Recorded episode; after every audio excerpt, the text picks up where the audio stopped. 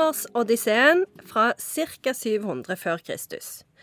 Odyssevs blir holdt som fange av nymfen Kalypso på øya hennes. Gudene hjelper han å rømme.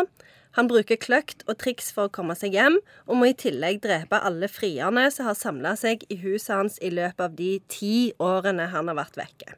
Og det hører òg med til historien at kona hans, Penelope, hun har drevet og vevd et teppe hver dag som hun har rekt opp gjennom natta, sånn at hun skal slippe å gifte seg med en av disse horrible frierne. Dette hørtes veldig komplisert ut, Ja. og, og, og mye. Ja, det er veldig mye, det er det. Fordi at det, er det som er Odysseen er jo egentlig del to. Fordi at det der er ei bok, ei annen bok som heter Iliaden, og den kom først. Og der er det jo Odyssevs reise ut for å være med i den der trojanerkrigen. Det er jo den med den hesten. Og så kommer han jo aldri tilbake. Og det som er litt sånn ufint, syns jeg, da, det er jo at han er liksom sånn Å, Calypso holder meg fanga, og det er så fælt. Eh, fordi hun har forheksa meg med liksom kvinneligheten sin. Så det er jo egentlig Altså historien er jo egentlig at Odyssevs syns at det er litt greit å være sammen med henne på den øya. Og så kommer han plutselig på at han må hjem igjen, fordi det har gått ti år. Og da følger vi han på hjemreisen. Eh, og det er jo veldig mye spennende. Han, han møter jo disse her sirenene, for eksempel. Alle vet jo om sirenene som prøver å lokke han til seg, sånn at skipet skal synke. Og så treffer han på syklopen, som bare har ett øye, og så lurer han han. Så det er mye, mye spennende ting som skjer på den eh, turen hjem. Men, jeg- men jeg følte det var veldig vanskelig å få en, eh, en rød tråd her. Ja. Og, det jeg kan om gresk mytologi, det har jeg jo fra en Disney-tegnefilm, Ja. som på en måte har oppsummert det for meg på forbilledlig vis, som gjør at jeg plutselig vet hvem mange av de er. Hercules etter den filmen. Ja, den er, det er en veldig bra film. Så det holder nesten. Ja, men det er litt eh, gøy å lese og de ser Han går jo på rim.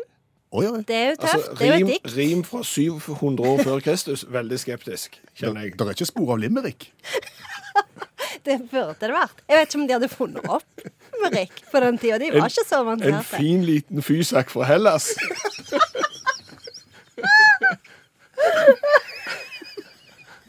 Da, Jeg så du ble så glad når du tenkte på at det kanskje kunne være Limerick. Ja, men, OK, la meg oppsummere den en gang til, da. Ja.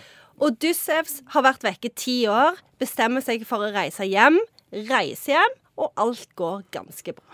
OK. Det var mye enklere. Er det noen sitater vi skal ta med oss? Ja, det er det faktisk. Um, dette her. En gjest glemmer aldri en vert som tok vennlig imot han. Det er godt sagt, det, Ja. Homer. Mm. Og jeg vil si det at hvis vi skal tenke på hvem blir imponert, igjen alle. Fordi at dette er jo en tekst fra 700 år før Kristus. Sant? Du skal være ganske hardhuda hvis du ikke blir imponert av at noen har lest den. Så her er det bare å gasse på. Tror vi har det da, har vi ikke det? Jo, absolutt. Og så er, det, så er det ikke limerick, men det går på rim.